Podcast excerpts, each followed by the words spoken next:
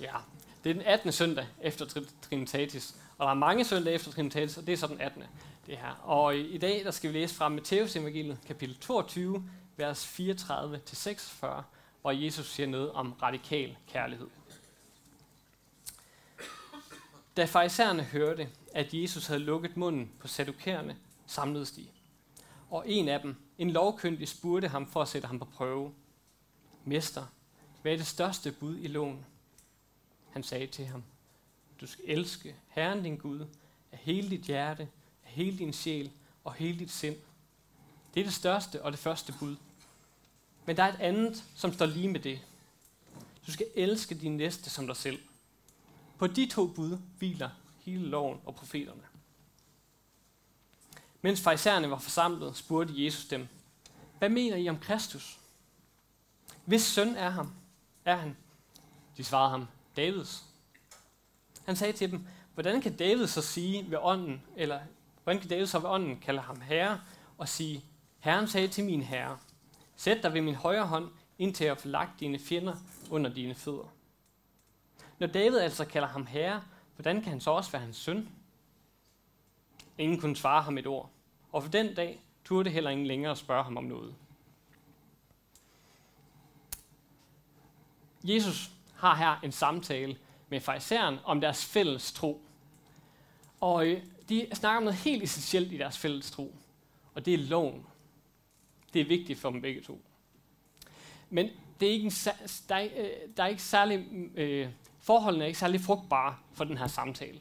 Fordi tingene er ved at spidse til omkring Jesus. Han har gået øh, rundt og for, fortalt noget om ham og om Gud.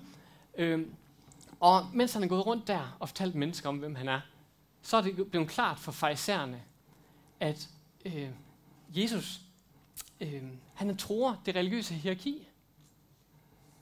Han siger øh, noget, som, som får dem til at miste deres position. Og det kan vi læse om i Matteus evangeliet lidt tidligere. Der står der sådan her, da Jesus var færdig med denne tale, var skarne slået af forundring over hans lærer, for han underviste den som en, der har myndighed, og ikke som der er skriftkloge. Folket har mistet tiltroen til de skriftkloge, til farisæerne, og begyndt at få tiltro til en ny autoritet, til en ny lærer. Men spørgsmålet er så, hvordan er det, Jesus tror det her hierarki? Hvad er det øh, for en ny lærer, han kommer med, som stiller sig i modsætning til det, farisæerne og de skriftkloge øh, har i forvejen? Det vil fejseren i dag gerne finde ud af. Han vil gerne høre øh, Jesus sætte ord på det, så han kan fange ham. Han stiller ham et trickspørgsmål. Han har hørt rygter om, at Jesus han har sagt noget andet, eller fortolket buden i det gamle testamente på en anden måde, end han selv ville gøre det. Så han prøver at fange ham. Han sætter ham på en prøve. Hvad er det største bud i loven, spørger fejseren. Med et lusket blik må han have gnedet sig selv i hænderne og tænkt, nu hopper Jesus sikkert i med begge ben. Men hvordan har fariseren så reageret, når Jesus ikke har sagt andet, end det de egentlig er enige om? Du skal elske Gud og elske næsten.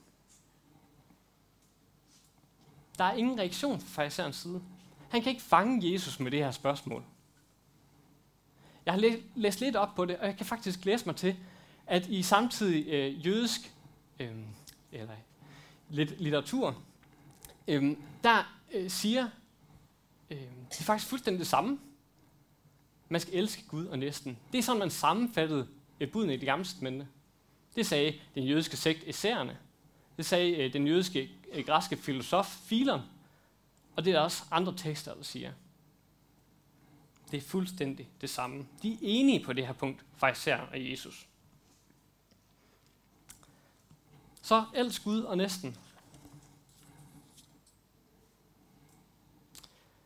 Jeg ved ikke mere, men når jeg hører Jesus sige, at vi skal elske Gud og næsten, så kan jeg godt lige rynke lidt på panden. Og, øhm, for Jesus siger det så forkortet og præcist, uden omsvøb.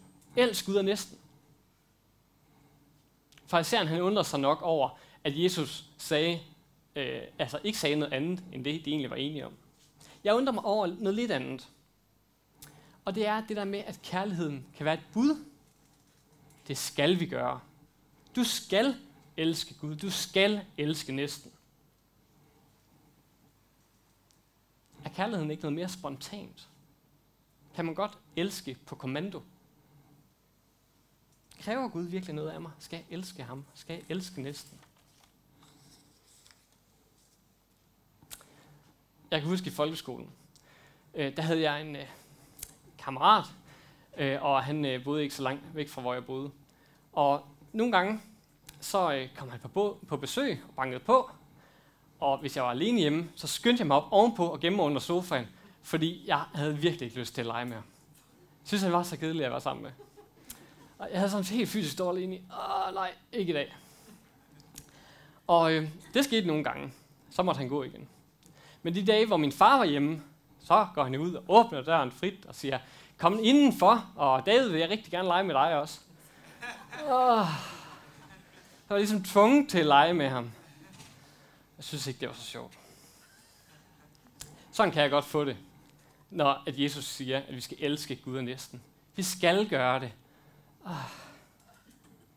Kan man gøre det på kommando? Kan man godt elske nogen, man ikke har kemi med?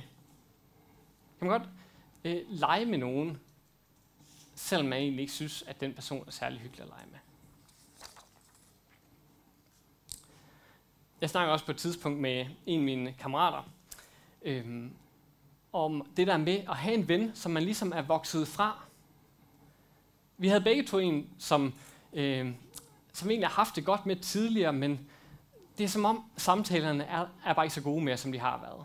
Det er bare ikke lige så sjovt sammen, som det har været. Der er sket nogle ting i hver vores liv, og ja, det er bare ikke lige så hyggeligt mere, som det har været. Og øh, for, for vores begge to's vedkommende, så er det altid den anden, der tager initiativet. Vi tog ikke selv initiativet til at være sammen med den her ven, men det gjorde den anden. Øh, og øh, vi ved ikke, altså, måske synes han, det var hyggeligt, men jeg synes godt nok, det var kedeligt. Og øh, øh, min kammerat der, han, han hører så en podcast, hvor han siger, jamen øh, det er også på spil hos en, jeg har hørt en podcast om. Hun siger, at man simpelthen bare kan slå op med sine venner. Jamen, øh, altså, hun gjorde det faktisk, og gjorde det med succes. Fordi hun sagde bare, jamen, øh, du giver mig ikke så meget i den her relation, og så er det måske bedst for os begge to, at vi går fra hinanden, og ikke er venner mere. Og vi snakker så om, mig og min kammerat, er det noget, man kan gøre? Kan man gøre det? Kan man, kan man slå op med sine venner? Altså, det er måske også bedre for min ven ikke at være sammen med mig, hvis jeg alligevel keder mig helt meget sammen med ham. Altså, så giver jeg jo ikke meget igen. Mener Jesus, at jeg skal elske Gud og næsten? Uanset hvad jeg føler, uanset om jeg har kemi med nogen, eller hvor meget hjerte jeg har for et andet menneske. Om jeg er motiveret eller ej. Skal jeg elske min næste? Og det her det er jo i forhold til næsten. Hvad, hvad i forhold til Gud? Kan man kræve at blive elsket? Her handler kærlighed ikke om hengivenhed. Noget, der flyder, flyder over i hjertet på en. I stedet for, at det handler om tvang. Jeg kan jo godt med armen bredet på ryggen sige, Gud, jeg elsker dig. Men mener jeg det så virkelig? Jeg forstår godt, at mange kan blive forvirret, når at vi her fra prædiken siger, Jesus har løskøbt os. Han har øh, givet os fred, frelse, hvile. Og så, når han alligevel siger, du skal elske Gud og næsten. Det kan godt virke som modsætning. Er det frihed? Da Gud på Sinaibjerget gav Moses og israelitterne de her 613 bud, inklusiv de 10, som vi kender bedst, øhm, så tænker jeg, at de må have haft det lidt på samme måde. Skulle de virkelig overholde alt det? Forbud og påbud? Kunne Gud kræve det af dem? Så læste jeg så lige i anden Mosebog, og der siger de det her. Kom lige om lidt. Alt hvad Herren befaler, vil vi gøre.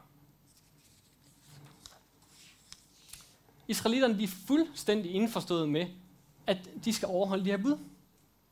Ja tak, vi vil gerne elske Gud og næsten.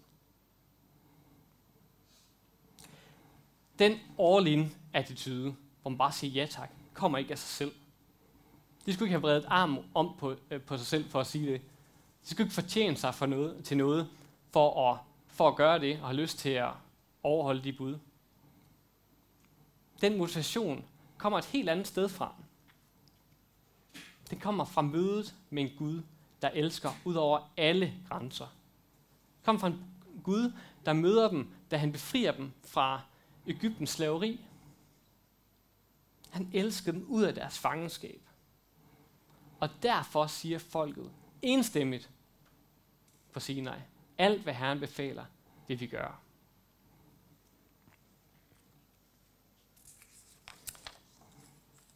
Gud har befriet Israel fra et stort ondskab. Og derfor vil de også elske meget. Selvfølgelig, vi skal da ikke elske blindt. Der må være en motivation for at elske. Elske er slet ikke nogen mening. Og Gud han sender sig selv i form af Helligånden, kærlighedens ånd, som åbner vores hjerter, så vi kan få, forstå den kærlighed, Gud viser os. Allerede den tid, jeg har været i menigheden her indtil nu, så har der været et, en overflod af vidnesbyrd om, hvordan mennesker er blevet mødt med Guds kærlighed her i menigheden. Der er nogen, som er blevet mødt med Guds omsorg i en svær tid. Der er også nogen, der fortæller om, at de ser Gud i naturen, i det skaberværk, som han har givet os. Andre har oplevet, at Gud har vist en vej, hvor det så fuldstændig tåget ud og umuligt ud at komme frem. Andre igen har erfaret Guds kærlighed igennem en ven eller en medkristen. Mit, egen, mit eget vidnesbyrd om en gang Guds kærlighed virkelig blev, blev, øh, eller blev virkelig for mig, det var, da jeg fik en bog fra en af mine S-skolekammerater. Jeg har hele tiden godt været klar, været klar over, at øh, Gud han øh, elsker mig og vil frelse mig, og, øh, og elsker alle mennesker og vil frelse alle mennesker. Men da jeg ligesom læste den her bog, så gik der ikke så lang tid, før tårnen begyndte at trille ned af mine kinder. Og det betyder ikke, at Guds ånd altid virker ved, at man begynder at græde. Det kan han godt alligevel. Men, øhm, men den her bog, den hed Jeg valgte navlerne af Max Lucado. Og der blev det bare virkelig for mig, jamen Gud, Gud har ikke bare sendt Jesus for at redde alle mennesker. Han har sendt ham for at frelse mig, af kærlighed til mig. Guds ånd åbnede mit hjerte for hans kærlighed.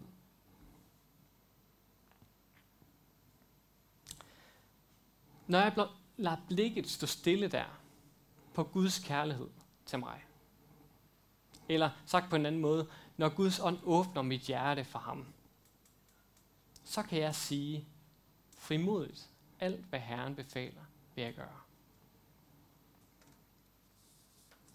Og i dag siger Herren, elsk Gud og elsk næsten.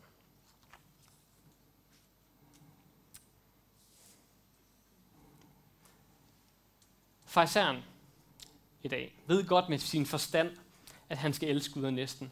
Men der er noget, som han er ret uvidende om. Og det ved Jesus gør godt. Og derfor svar, øh, stiller Jesus fariseren et modspørgsmål. Hvad tænker du om Kristus? Er han Davids søn, som det siges i Isaias bog, eller er han Davids herre? For i salme 110, der kalder David en herre. Og det er en, som har fået en magtfuld position ved Guds højre hånd. Men det giver ikke nogen mening, hvis det er, at, øh, at øh, David snakker om en i sin egen slægt her. Han vil aldrig kalde sit eget barn eller barnebarn for herre, når han selv sad på tronen. Så det må være Kristus, han taler om, af Jesus pointe. Men der er ingen, der rigtig svarer Jesus. Så hvad vil han egentlig med at sige det? Andet end at Kristus også er herre. Stiller han bare et trickspørgsmål? Eller vil han sige mere end det? Det kunne ligne Jesus at sige mere end det.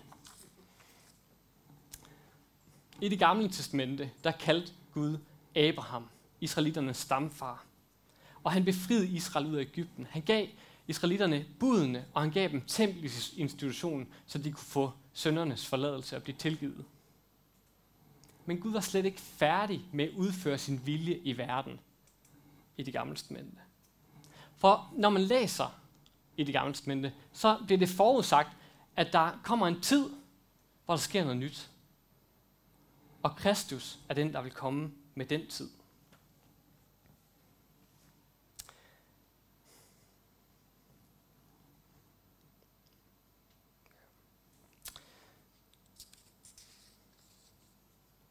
Mm. Ja, og vi skal lige læse et stykke her fra Jeremias bog. Øhm, og det er et af de steder, hvor det her er forudsagt. Der skal komme dage, siger Herren, da jeg slutter en ny pagt med Israels hus og med Judas hus. En pagt, der ikke er, er som den, jeg sluttede med deres fædre, den dag jeg tog dem ved hånden og førte dem ud af Ægypten. Jeg tilgiver deres skyld og husker ikke længere på deres synd. Og fra Ezekiels bog bliver det sagt på den her måde. Jeg giver jer et nyt hjerte og en ny ånd i jeres indre. Jeg fjerner stenhjertet fra jeres krop og giver jer et hjerte af kød.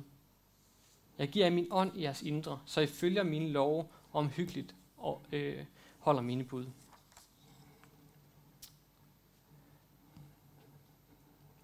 I det gamle testamente bliver det tydeligt, at selvom Gud han har givet dem loven, han har givet dem buden, og han har givet dem templet, hvor de kan få tilgivelse for deres sønder, så bliver de ved og ved og ved med at handle mod Guds vilje. De handler ikke godt mod næsten. De øh, øh, misbruger den svage og den fattige. Og derfor skal der noget nyt til. Og det er det, Jesus øh, sætter fingeren på, når han stiller det her øh, trickspørgsmål. Det er et ømt sted for fejseren, fordi her er der et blind spot for ham. Men Jesus sætter ikke fingeren på hans ømme sted for at gøre ondt værre. Han gør det for at helbrede det. Der er noget her, som der er vigtigt, at fejseren øh, begynder at forstå.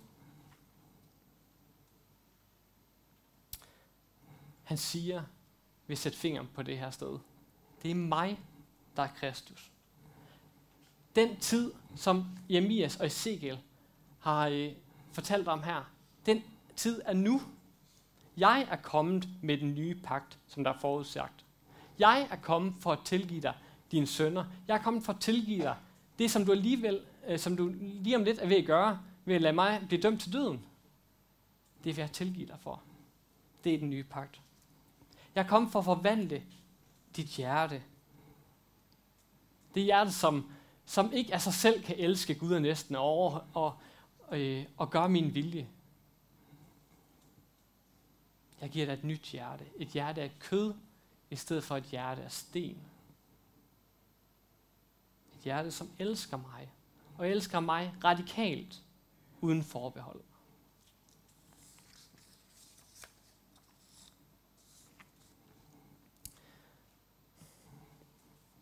Jeg støder mig ikke i dag på, at Jesus er Messias. Jeg har det fint med, at Jesus er Guds søn sendt til jorden. At han er Gud selv. Jeg er glad for, at han har elsket mig uovertruffen. Jeg er glad for, at, han er, at, at jeg er hans barn, at jeg kan hvile hos ham. Men det, jeg støder mig på, det er så radikalt, han kalder mig til at elske ham af hele, sit, af hele mit hjerte, af hele min sjæl og af hele mit sind og elske min næste lige så højt, som jeg elsker mig selv. Prøv lige at overveje det. Af hele hjertet, af hele sjælen, af hele sindet. Det er alt omfattende. Det er radikal kærlighed.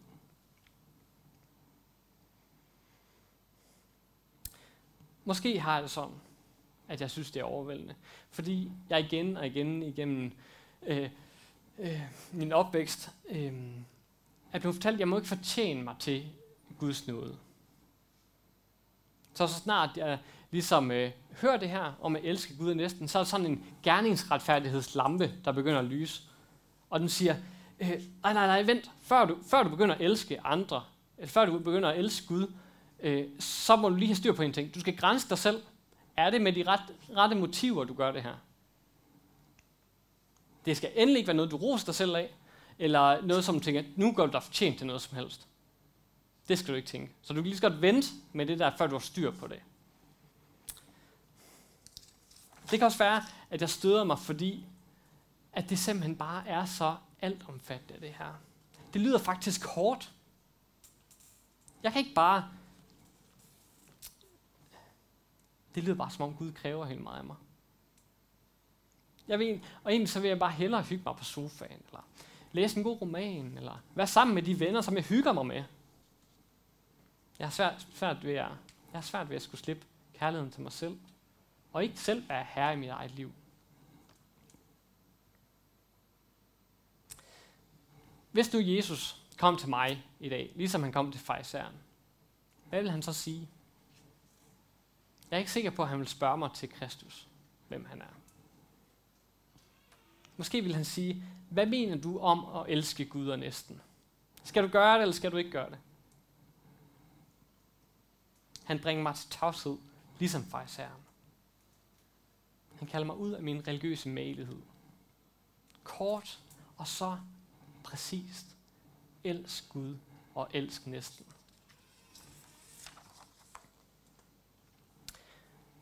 Forfatteren Francine Rivers skriver sådan her i Den kærlighed, som sætter fri.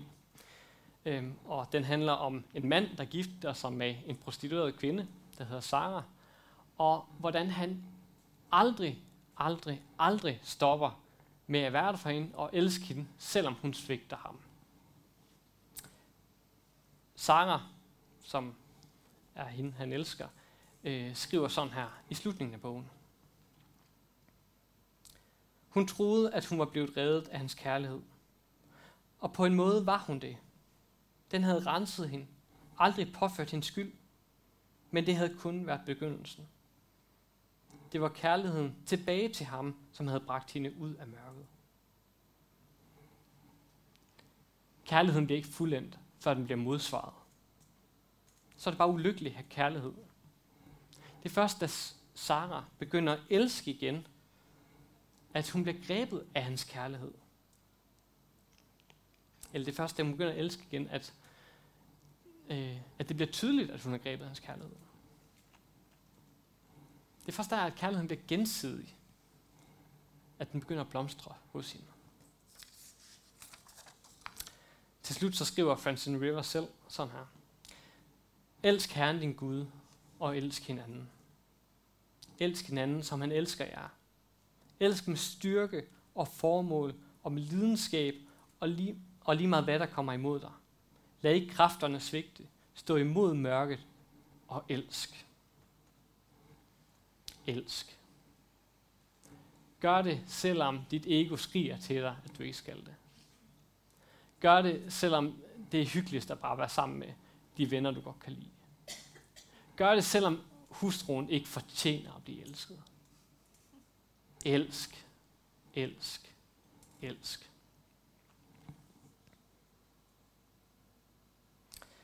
Skal vi bede sammen? Lad os rejse os.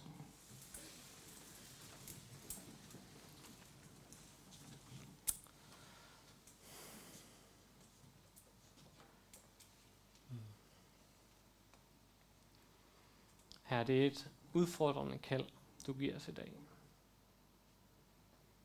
Og elske med alt, hvad vi har. Elske dig og elske hinanden. Vil du lade os få øjnene op for, hvorfor vi skal det? Lad os se, at du elskede helt ind i døden af kærlighed til os. Giver os kærlighedens ånd, så vi bliver sendt til hinanden og kan udtrykke vores kærlighed til hinanden. Og vi kan gå helt ind i mørket, der hvor det er svært at elske.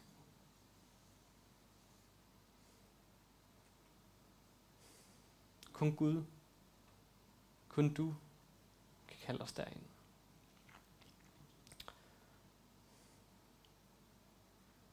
Amen.